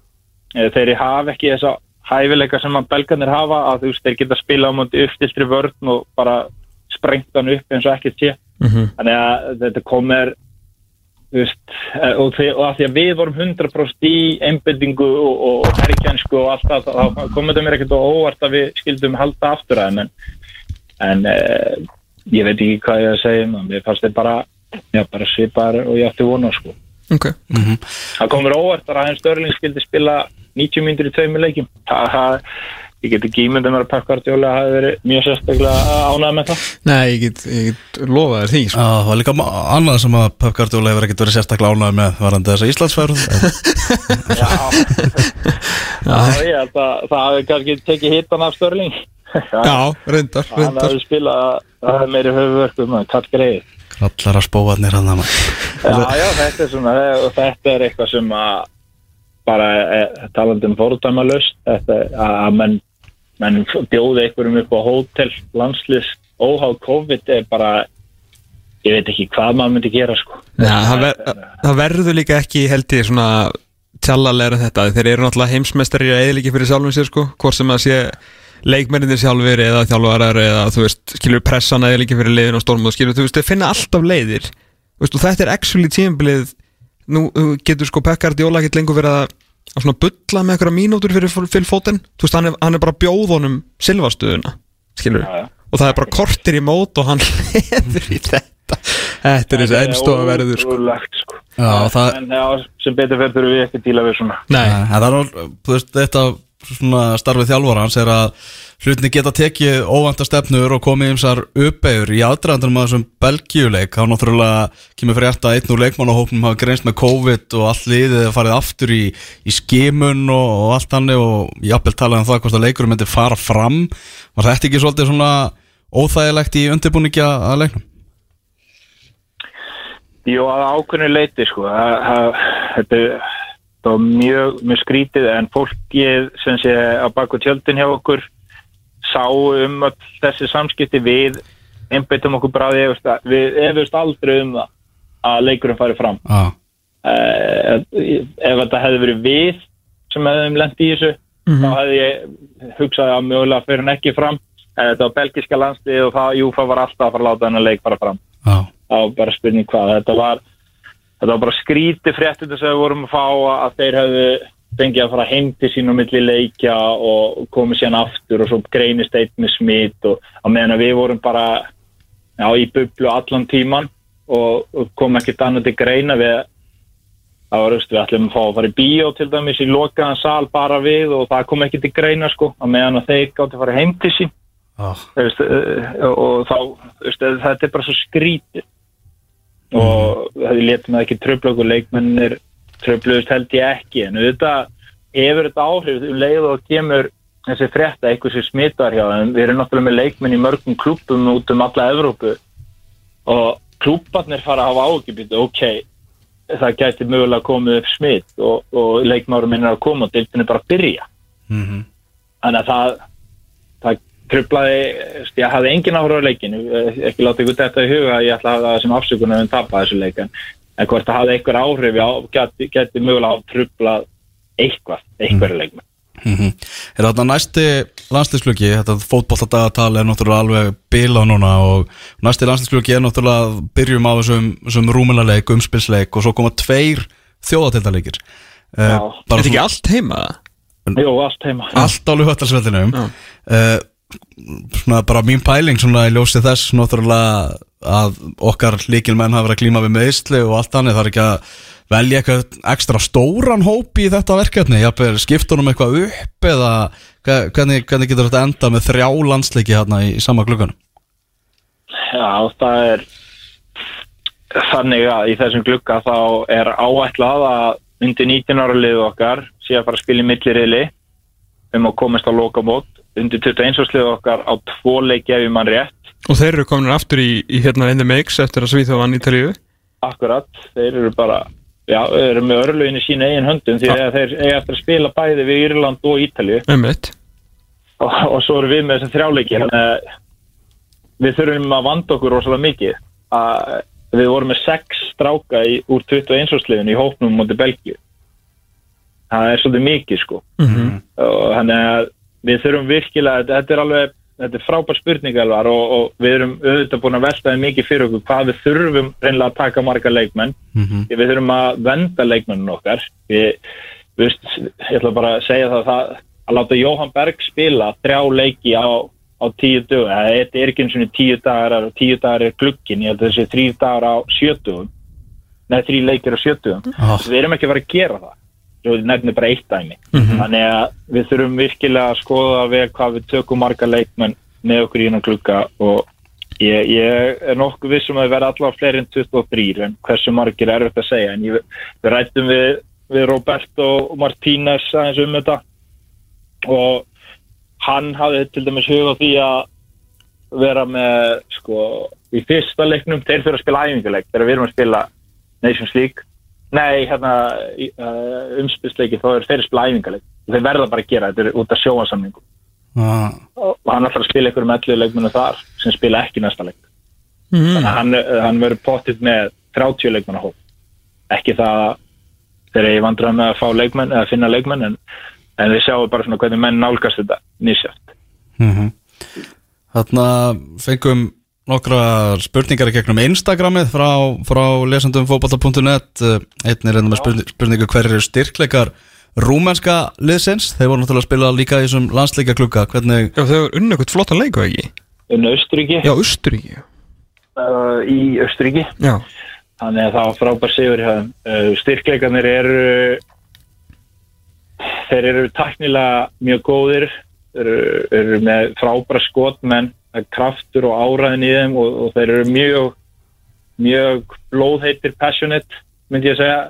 En það sem að fylgir því er náttúrulega bæði orka sem getur fara á jákvæðan hátt en getur líka fara í öfu átt þannig að svona óbúslu kraftur og vilju og hungur hjá þeim en, en það fer stundum aðeins overbort en bara ótrúlega tæknilega gott fótballstalið með fína blöndu þeir eru með rosalega góða kynnslu sem er núna í 21. sliðinu og var að koma upp úr sem sé strákar þá á aldrunum 20-24 ára virkilega góði leikmenn og þessi þjálfari sem er með liði núna hann er búin að vera með þá í 21. Slið, uh, liðinu og var með þá í lokamótinu síðasta hjá 21. sliðanum þannig að þetta er svona þetta er kynnslu af mönnum sem þekkjast rosalega vel og, og eru hungraðir að, að komast á stórmóta sjálfsögðu þannig að ég myndi segja að þetta væri mjög hættilegur anstæðingur að það er hins vegar fullt að tækifærum líka sem við getum nýtt okkur á móti.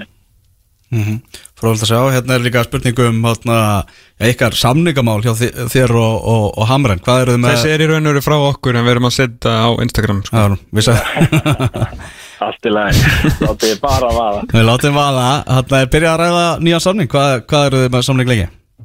Um, ég er bara æfir á þinn Nei, ég, ég veit ekki samningamálun hjá Erik og ég var alveg hinskilin það er bara, ég þekki ekki lengdin á samningnum eða þetta er náttúrulega búið að vera svo skrítið hvernig það er en minn, minn samningur er, er þannig að, að hann er úttækt ár okay. hjá knæskundarsambandinu Ok. og svo bara já, þú veist, hvort við erum rætt saman ég, ég á í góðu, góðu svona díalóg við Guðna og- um mín mál og, og mál landslýsins og já, við höfum alveg rætt saman en ekkert ekkert sem að er fréttnæmt sko. Mm. hver er uppáðs örfætti leikmaðurinn sem þú hefur þjálfað? sem ég hef þjálfa Já, Þetta er Hallberg sem sendir þetta. Já. Það er rétt Æ, ég er nú vitlaus. Æ, það, það var út af því að hún sendir þessa spurningu þá er ég alltaf að fara að velja vinn minn. Hallberg Gíslandóttir Það var ekki. Herra, hérna er spurning- flestu mörkina þessum örfættu fyrir mig. Hérna er spurning Fylgistu með umræðu Umræðunni og eftir Þegar og eftir það er landslisval Og tekur þú mark á því sem sagt er Uh, sko, eftir að landslýsvali á sér stað þá verð ég alveg var við umræðana kannski fyrsta sólarhingin eða svona fyrstu klukkutímana en ég hef haft sem reglu að uh, svona síðustu vikurnar eh, vikuna fyrir landslýsval og á meðan að landslýsverkefni stendur þá les ég ekkert og fylgist ekkert með umræðinni en uh, Já, ég, ég, jú, ég verði alveg var við þarna fljótlega eftir að hópur er tilkynntur en ekki vikun undan því og svo fylgist ég ekki með neitt umræðu meðan að landslýsverkefnum stendur. ah. Síðasta spurningi sem ég ætla að taka hérna á Instagram Það er El Normale Það sjálfsögðu Hann er að spyrja út í þrennu sem að skora þar fyrir annan flokk leiknis Spilaður upp á topp Er það eina þrennan á ferlinum? Hvaða þrenna Er var það ekki bara einu mörkin að fellinu með? Nei, ég er rólu. Ég, ég skoraði með skalla yfir Hannes Haldursson á Mosesbæðavelli. Við skulum hafa aðræðinni. Það þóttir þetta ekki merkilegt þá, sko Það ekki. Nei, ég þú veist það fyrir að skora hjá Hannes í minni, sko Uh, víst, ég, víst, ég byrjar að tala um það mark þá var Gunnar Borg og svona að dekka mig hann sá ekki nema reik og, en þessi þrenna sem að Elnor Mali nefnir er, er mín eina þrenna og eini leikurinn sem ég spilaði sender og þarna má segja að Elnor Mali hafi verið að hugsa út fyrir bóksið sem annarflókstjálfari leiknist því að setja mig sem fremsta mann í fótbollstaleik það er eitthvað sem að mér hefði aldrei dóttir til huga það er rauninni rannsóknarefni. En það hefnaðist hjá kallina Já, ekki bara, ekki gera og allir hinnir, prófa eitthvað nýtt já, já, hann þorði því. Heyrðu, Þá er þetta, þetta að banki sér bara tæmdur fyrir þessi Bara takk kærlega fyrir þetta og hvernig ertu laus úr sótkunni? ég er raus á mánudagsmorgun. Verður veistlega maður mánudagsmorgun, já, já, en, en hérna, það er bara fínt. Þá getur maður hort á endalast og fótbolta núna í dag og morgun. Mhm. og ég hef fullkomna afsökun, ég má ekki fara í búðina kona þarf að gera það, ég má ekki elda ég má ekki hugsa um börnin. Hann er að spyrir hvernig er í sókvinni þá ættir að ringi í hana erli mína og spyrja hvernig hún hafi það. Það er næsta símdal, Freyr Alessandur aðstofað landstöru, takk kjælaði fyrir spjallunur já, sem ég leiðis Heyrðu, það er 82 mínútur á klukkunni við erum Fúlham og Arsenal og staðan úrðin 0-3 Var þetta ekki opa með Ankana sem skoraði þriða markið? Jú, og Aubameyang var ekkit eh, nála langt frá því að skora fjórðamarkið var það á línu eftir frábæra skyndisókn Arsenalisins og uh, mjög fallega sendingu Hector Bellerín. Þetta er uh, leikur uh, Katarinsson Músni Rót að segja það. Sem maðurinn sagði. Haldum að fram með þáttin eftir smástund Það er ég út að sáttur í fókbalta.net heldur áfram hér á X977 og hingaði komin gestur þáttari eins og það er Eggert Gunnþór Jónsson sem er mættur hérna í fiskabúrið. Velkomin Eggert, Takk fyrir. Hvernig erst í dag? Ég er bara nokkuð góður sko. Hvernig er að vera F á einhver? Það er fínt, hinga til Þannig að vonandi verða betra En hérna, ég er bara nokkuð sáttu með það og annaður Mm Endur koman í, í íslenska boltan komin heim, þarna byrjum bara á því, segðu okkur aðeins frá svona aðdraðandur með því að þú ákvast að, að koma heim aftur á, á klakan um, Það var svona kannski meira Svona fjölskyldu ástæðar bak við það. Ég, Hérna, vissi fjölskylda Vildum koma heim. Það var búið að vera í okkur í, í svona huganum í svona eitt ár og svo kom þetta COVID tímabil og hérna það var eiginlega svona síðasta uh, kodin sem fylgti mælin á það að hérna á, að, sem að uh, tryði það ákvörðun eiginlega að hérna við varum til í að skoða að koma til Íslands og hérna og já, svo náttúrulega bara út frá því fór ég að, að, að skoða kannski ræða við lið og, og allt það en, en hérna það var svona meira kannski aukaðri en það má segja að ma- maður var eiginlega bara svona orðin leiður á því að vera úti. Það er að segja það? Já, þú varst með svona mögulegan á því að, að vera áfram, vera áfram út í Danmarku eða ekki? Jú, jú, ég, og það voru alveg nokkuleg í Danmörku og annars staðar frá líka sko. þannig að, að það var ekkit það sko. þú veist, ég var ekkit, fann ekkit eins og ég var í konu okkur endastöðu eða eitthvað svo leiðis en, en hérna það var meira bara að, að ég sjálfur mér langaði að koma heim. Og, og svo náttúrulega bara aðra ástæða kannski sem er heldur um bara fótballtalega síðan Ok, ok. Og bara heimkoma verið fín, þú veist, fyrir utan boltan bara, þú veist, búa aftur á, á Íslandi og er þetta svona mikið breytt eða hvað er svona, hvernig, hvernig er það komin heim?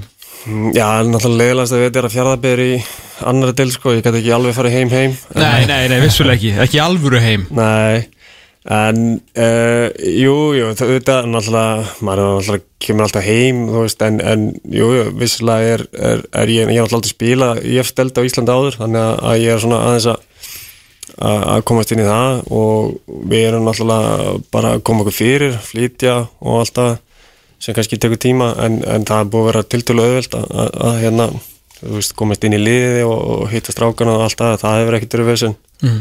Þannig að, að allt það hefur gengið vel og, og eina sem er kannski búið að vera svona leiðilegast er, er þetta, þessi pása kom hana um leiði ég kom þessi COVID en, en það virðist vonandi vera, vera búið núna og, hérna og líka vonandi að, sé þetta að fara að koma með mikið árundum á, á leiki líka því að það er mikilvægt Já mm -hmm. Var feimleika félagið bara alltaf efst á blaðið eða varstu í viðræðum með eitthvað fleiri félag hérna á Íslandi?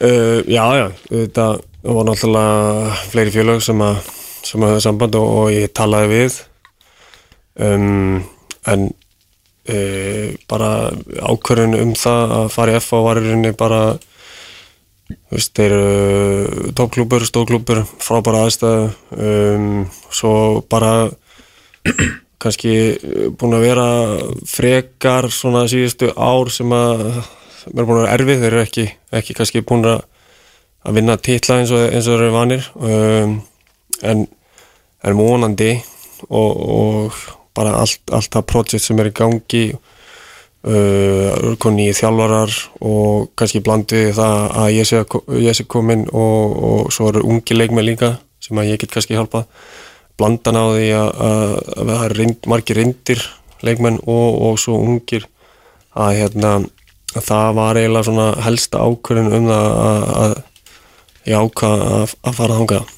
Og svo alltaf er auðvitað alltaf hafnað þínu gamla fyrirlega Bjarnar Þór Viðarssoni sem alltaf búin að liggja í marga mánuði.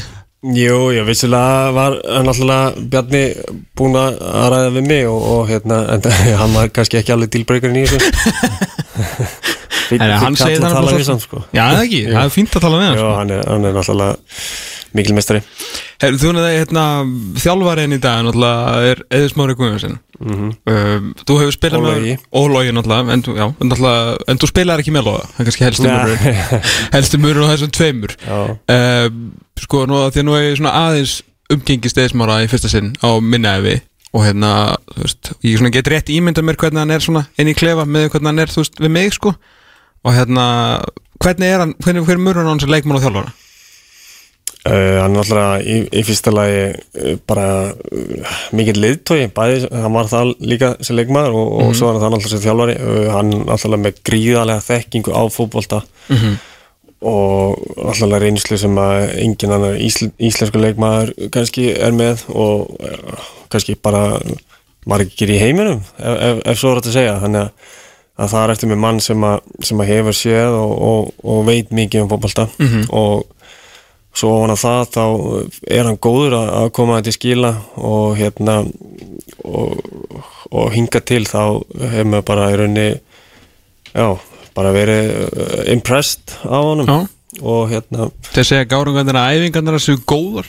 Já þar eru það. Og, og hann og Logi eru líka bara fín blanda saman, þeir hérna þú veist, já þeir saman þá allavega eh, virkar það hinga til og og hérna, þú veist svona svo lítið svona eitthvað ég veit ekki hvað maður að segja en, en, Er hann eða svona samið svona leikmannabantirinn í honum eða hefur hann svona, þú veist Er hann svona, hefur hann farið upp á svona aðeins meira svona þjálfara svið? Já, jú, þetta, þetta kemur náttúrulega sjálfkrafa hann, þú veist, er kannski með aðeins meiri fjalla en, Já, en, já. en, en þú veist, það er alltaf stutt í, í sprell Já, hjá honum og, og, og þú veist, svo sem en svo náttúrulega uh, þarf hann að vera alveg gefin þegar þessar og, sjálfsögðu. og, og það er alveg balans sem að hann er held ég alveg með á reynu sko. mm. Þú er búin að spila fjóra leiki núna heima, Teldu Byggar uh, hefur, Hvað finnst þér um fótboltan? Hvernig hefur þetta komið þér á óvart á jákvæðan en eitthvað nátt?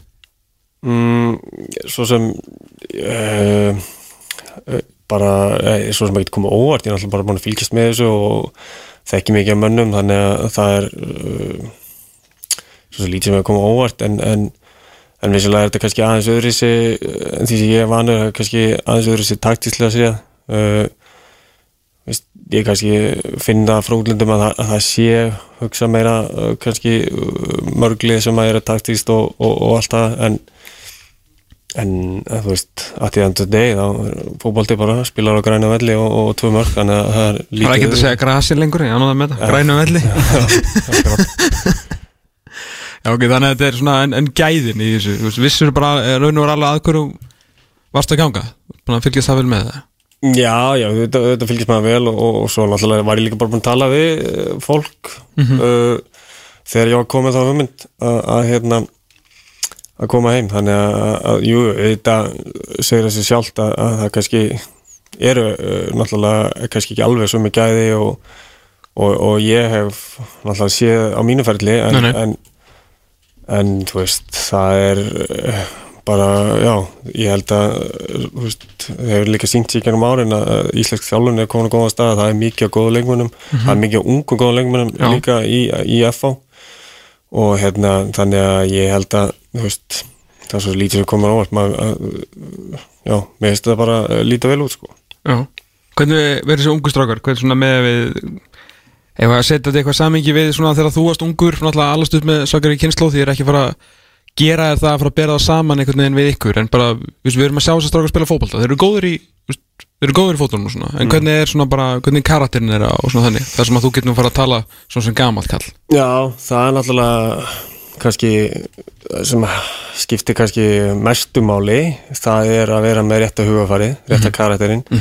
Það er kannski ekki dendilega sem þú getur þjálfað á okkurum tæknæfingum og allt það og það er bara sem hver og einn verður að finna inn í sjálf og sér og, og, og ég er náttúrulega þekkja alveg þokkulega sjálfur að, að ég veit hvað skiptir máli hvað skiptir miklu máli að, vera með réttu hugafari og, og það er sem sagt vonandi að, að sem, bara sem flesti margir ungi leikmenn þeir áttu sig á því og, og það er náttúrulega þeir ef það er alltaf verða ekki fólkvölda þá þurfa það áttu sig á því og, og hérna þá fylgir hitt náttúrulega á eftir sem aukaðri en, en en jú, jú uh, það er kannski svona helsta sem að sem að mér finnst ef að hægt er að veist, sem ég get kannski hjálpað þessum ungu leikmennum við í dag er að, veist, og í, í, í FH að hérna að átta sig á því Það þarf, þetta er, þetta er harður heimur Þú veist, ef þeir fara síðan út Ég veist, pappa er mamma búkið það Ég reyndar fara pappa, mamma oft reyndar með þeim núna út en, Og allt er komið það, sko En ég meina, hvað ertu gamall þú ferð Úr annari deildinni til, til Skotlands? ég fann 16 ára 16 ára Já. Hvernig var það? Það var náttúrulega uh, bara já, erfitt á, á, á tímum. Uh, það er náttúrulega það er ungur og, og kannski ekki alveg náttúrulega bara þroskaði skilur en, en, en uh, ég er náttúrulega bara komin á staða sem að ég vildi vera og, og hérna jú, þetta var klúpurinn uh, hart þeir hjálpuðu náttúrulega líka með, þú veist, maður var bjóðja fólki sem að var þá fóstu fjölskylda eða, eða eitthvað svo leið sem sá um mandum með og var ungur og, og, og alltaf var, var svo sem í, í tópmálum en, en, en vissulega veist, var þetta erfitt til að byrja með. En, en það góða við að er að Haraldur Björnsson, markmaður í stjórninu hann fór út á sama tíma og ég, þannig að við höfum okkur annan. Ok. Þannig að- maður var ekki allavega, þú veist, aðlit Nei, þegar varst, varst fengið hérna yfir, varstu þá hérna, varstu keftur sem þú veist, aðalismæður, verðandi aðalismæður þú veist, project, þessu svo svakal ungur sko, ég, og vissir þú það á þeim tíma? Nei, nei, þannig sé ekki, ég var náttúrulega bara kiftur aðalega í, í byrjaðan í nýtarleginu en svo var ég mjög fljótlega komin í varaliði og svo bara eftir eitt ár í, í því dæmi þá var ég bara komin á bekkin í aðaleginu svona, þannig að þetta var svona til dæla að gerast fljótt fyrir sig og, og svo er ég bara að byrja að spila í aðaleginu mjög ungur uh, hvort er alltaf ekki bara verið kringum spila fyrsta leiki með 2006 held ég að það verið þannig að veist, ég er 18-19 ára og Já. bara svo þegar ég er 19 ára er að byrja að spila alla leiki þannig að jú, þetta, þetta hérna, gekk svolítið fljótt fyrir sig og, og maður svona kannski þroskast með frá því Já. Er þetta ennþá svona þinn skemmtilegasti tími allir með sko eða er það einhver, einhver annar tími? Mm, jú, ég veit að Ediborg, þetta var Ediborg og frábæð borg og ég kunni vel við með þar. Og, og hérna, jú, ég veit að kannski ég er hægt að segja það sko en, en svo sem lítið hugsa út í að tilbaka þannig séð sko en, en, en vissilega uh, var þetta skemmtilega tími. Já.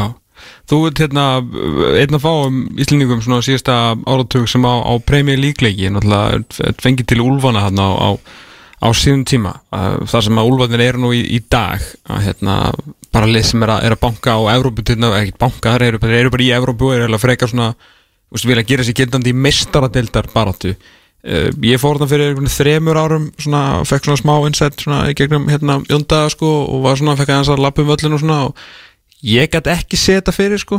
Þú veist, uh, þú varst þannig með það var sko ennþá lengra síðan að þú varst hversu mikið kemur þér og óvart að úlfarnir séu það sem að þeir eru í dag með við þegar þú varst þannig Uh, það er alltaf kemur uh, mikið óvart. Uh, nei, nei, þú veist ekki endilega það er þessi mikið óvart. Uh, það er náttúrulega stór klúpur algjörlega. mikla hefð og, og sérst Wolverhampton bærin sjálfur er náttúrulega þú veist, þeir eru með uh, stóra, stórt fanbase mm -hmm. þeir voru samt svolítið búin að missa boltan í gólfið sko Já, algjörlega og, og þú veist, og það er náttúrulega þegar ég er það, það er eiginlega bara svona byrjun á því að, að þú veist, þá f- föllum við úr úrstild og svo föll, föllum við árið aftur líka úr championship sko.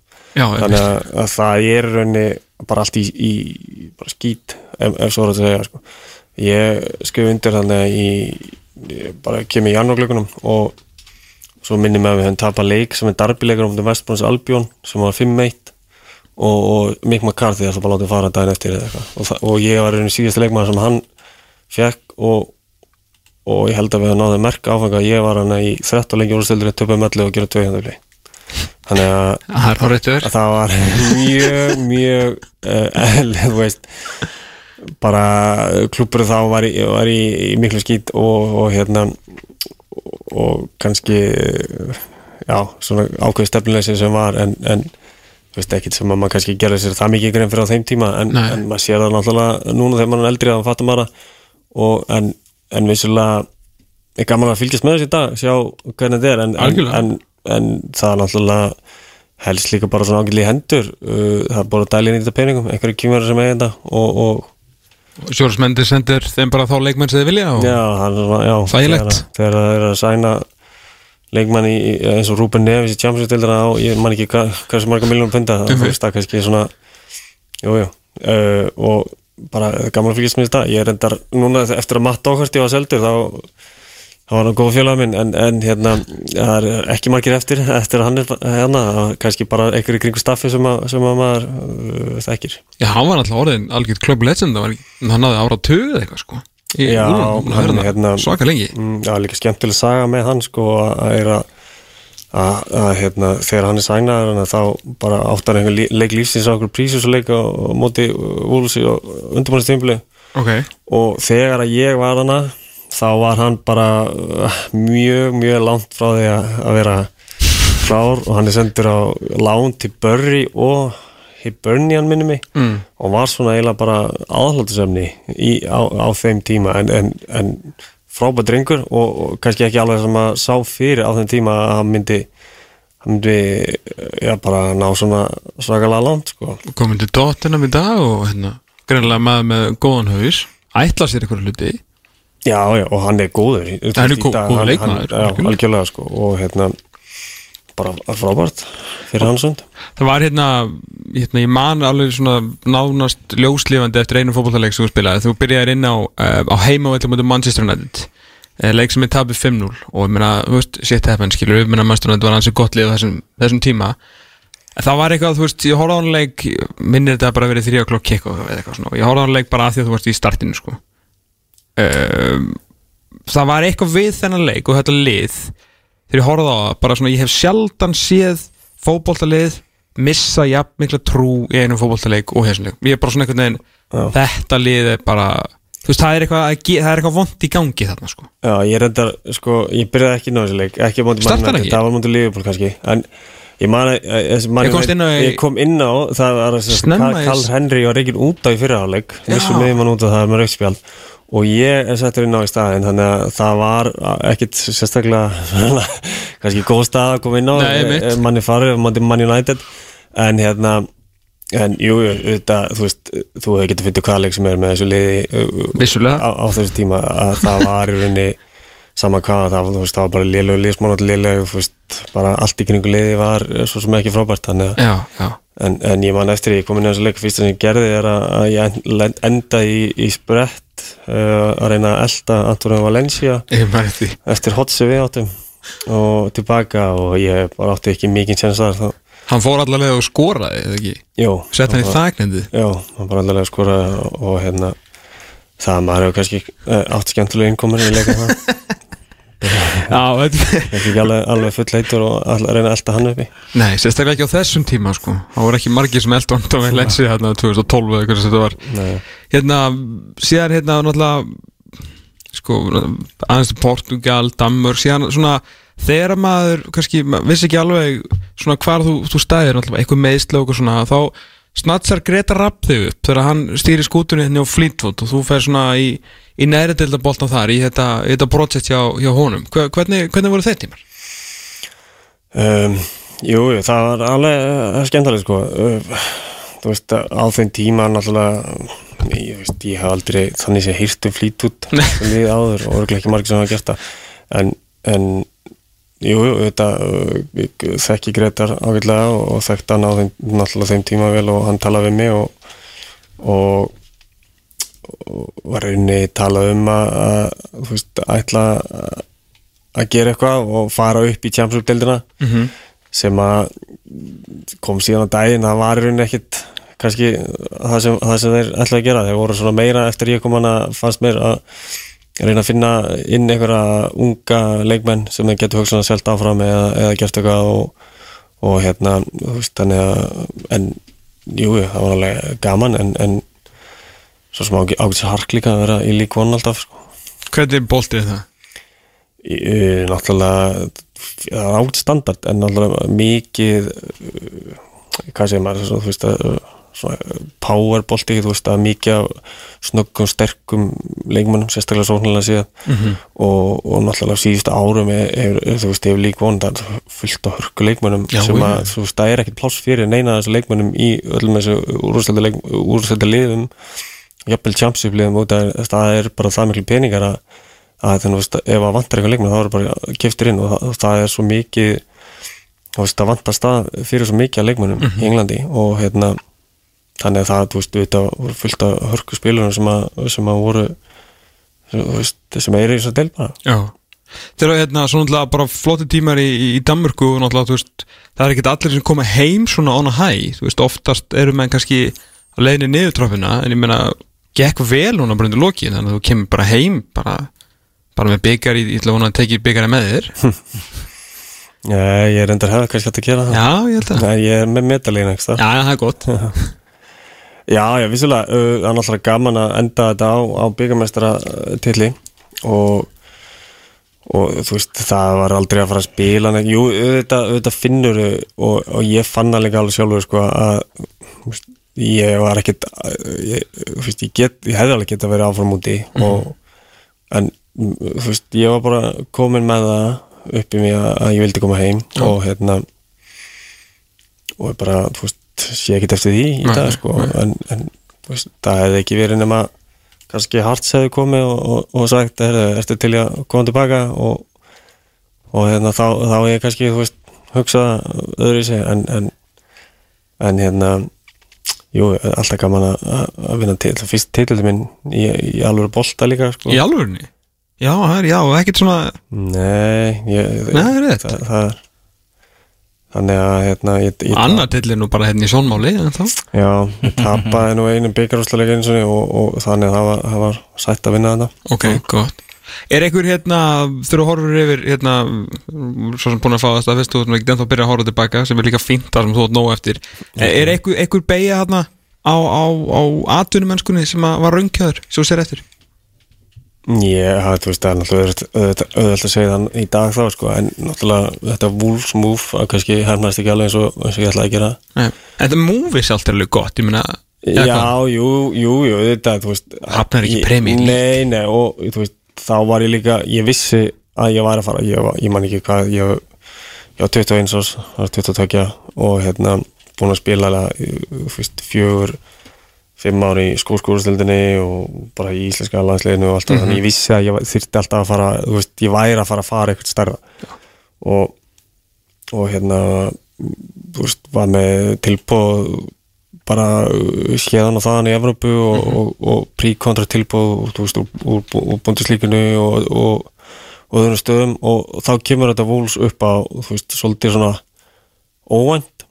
En, en hérna veist, og þá svona, já, úrstildinni og, og þú veist, þú veist ekkert endilega að fara að segja nei við því, sko, Nei, þannig að það er svona eftir áhyggja, og náttúrulega hefnaðist það ekki eins og, eins og Nei, nei. maður vildi, en, en þú veist, það getur alveg gerst, þú getur alveg að fara á stað sem að þú sem varst ekki að spila og, og hérna, en svo kannski það sem að ég sem mest á eftir eftir að, að, ég fótt til Portugal og, og það náttúrulega e, vegna meðsla, þú veist, setti svolítið svona striki í, í reyningin þannig að veist það er svo mikið að hluti sem að kannski sérði ekkit fyrir og þú og getur ekkit verið að líta eh, tilbaka það með ómikli eftir sjá en, Nei, nei, en hérna það er kannski ég sem meira eftir því að að enda á stað eftir að eftir að hafa tekið svona uh, smá leiðilega ár í, í Wolves og ekki spila eins mikið og maður vildi á þeim tíma og, og veist, að, að lenda í enn meira vesinni sko.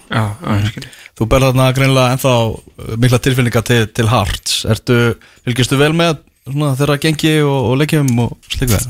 Já, já, ég geri það sko. Og, og hérna fer oft til Litaborgar þú veist, ég reyna að fara yfirleitt allavega einu svona ári og, og, og mikið af vinafólki og, og kunninga þar Þægilegt að uppáhaldsborgin mann sé, þú veist, klukkutíma 45 minnur Já, Styrsta flug frá Íslandi sem til fyrir finnst, sko. Ekki nema alltaf færi, já Ha, ekki já. færi, já en, en já, já, það er, það er jú, það er náttúrulega stutt að fara ánga og, og bara frábær borg, þannig að jú, ég fylgist mjög vel með þeim og og hérna hann er þjálfarinn dag leikmaður sem ég spilaði með og þannig að þú veist það er alveg maður, maður fylgist með Mm. Þeir eru þarna fjallu úr, úr úrvasteldinni þegar já, þetta COVID ástand kom voru bara einfallega svona dæmdi niður án þess að tímabilið hafa verið klárað mm -hmm. Það hefur vantilega verið þungu biti fyrir, fyrir klúbin Já, um, en, en kannski líka allt í lagi þeir voru kannski ekki á, á sérstökum stað með veist, það var uh, bara svona baku hvernig það var reikið og, og svona kannski leikmenn sem voru búin að fá ekki kannski hlutir sem, að, sem að voru að ganga upp. Þannig að kannski er þetta ekki svo slemt að, að geta að losa sig við marga deadwood leikmenni sem kannski uh, hefði gett að vera hana og, og kannski bara byggja þetta upp á nýtt því að þú veist, Hearts er, þeir eru drístæðstu klúburinn í Skólandi þannig að að jú, þetta taka þannig að þetta skrifa en, en þú veist, þeir verða komnir upp vantalega í ár og, og, og þú veist, þannig að ég, svo sem ekki miklu ágjörði að kannski bara gott út, úr því sem komið var að geta bara svona aðeins núlstilt, og byrja upp á nýtt. Fylgist þið með fótbolta yfir höfuð? Bara, horfur á leiki og veist eitthvað Já, já, ég gera það, það er reyndar munlega núna í COVID, það er ekki áhórundur það Já. er einhvern veginn, þú veist, ósölu að þeir vera að minka um, það, það er bara er ekki, það er ekki þú veist, sama skemmtinu, en, en jú, þetta fylgist, fylgist ég vel með allir, sko. Já, að því að bara, þú veist, nú veit maður ekki lengur hverju horfa á fótbolta og hverju ekki, sko. Að, hérna, Þetta er orðið svo skrítið með, með fótboltamennina. Þannig ég hef eiginlega tekið hann ból í hæðan og ætla að spyrja alla fótboltamenn að þessu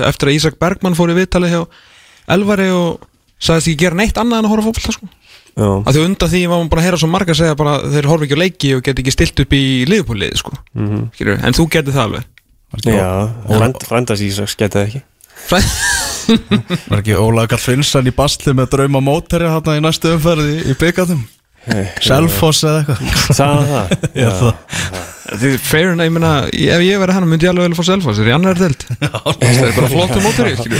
Já, ég, þú veist, auðvitað, ég fylgist vel með fótbolta en- og, og maður var náttúrulega þú veist, með meira svona aðdáenda ja, þú veist, í gamla dag var þú veist, maður átti sitt lið og allt það, þú veist, það er ekki, maður, ég er ekki jafn, uh, hvað segir maður svona uh, með sama Áhuga, ástriðu og já, eða, þú veist, ég er náttúrulega búin að vinna í fótbolta þannig ég er ekki ennþá með þetta, veist, þetta er svona fan perspektíf, eða, eða þú veist, það er að segja það, skilju Já. En eins og Tottenham Everton á morgun Þú veist, við tökum bara gilu út fyrir Bara svona fýtt fótboltaleikur Þú ert reyndar að spila á saman tíma Segjum, gefum okkur það að Þú er ekki að spila Þú veist, er það fótboltaleikur Svo myndir bara setja snur og horfa?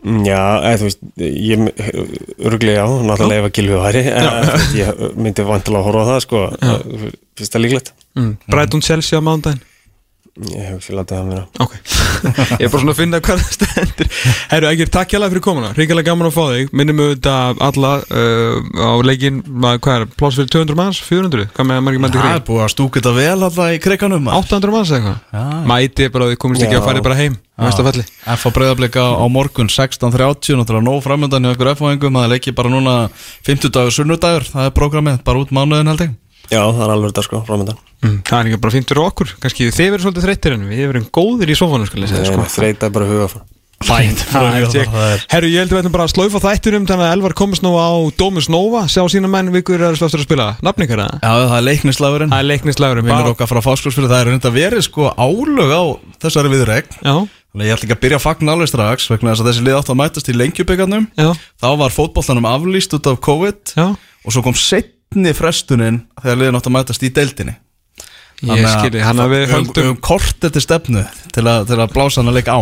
Við höldum í hestan okkar þangað til. Já, það er þannig. Herru, við fórum yfir ennska boltan, íslenska boltan Herru, við vorum með langt vitarleitna við freysaðum síðasta landslýsverkefni Gæstu þáttarins, þakkum vorum aftur fyrir Ekkert Gunnþór Jónsson. Við verðum með aftur eftir 6 dag og 22 tíma. Þangað til, verðið sæl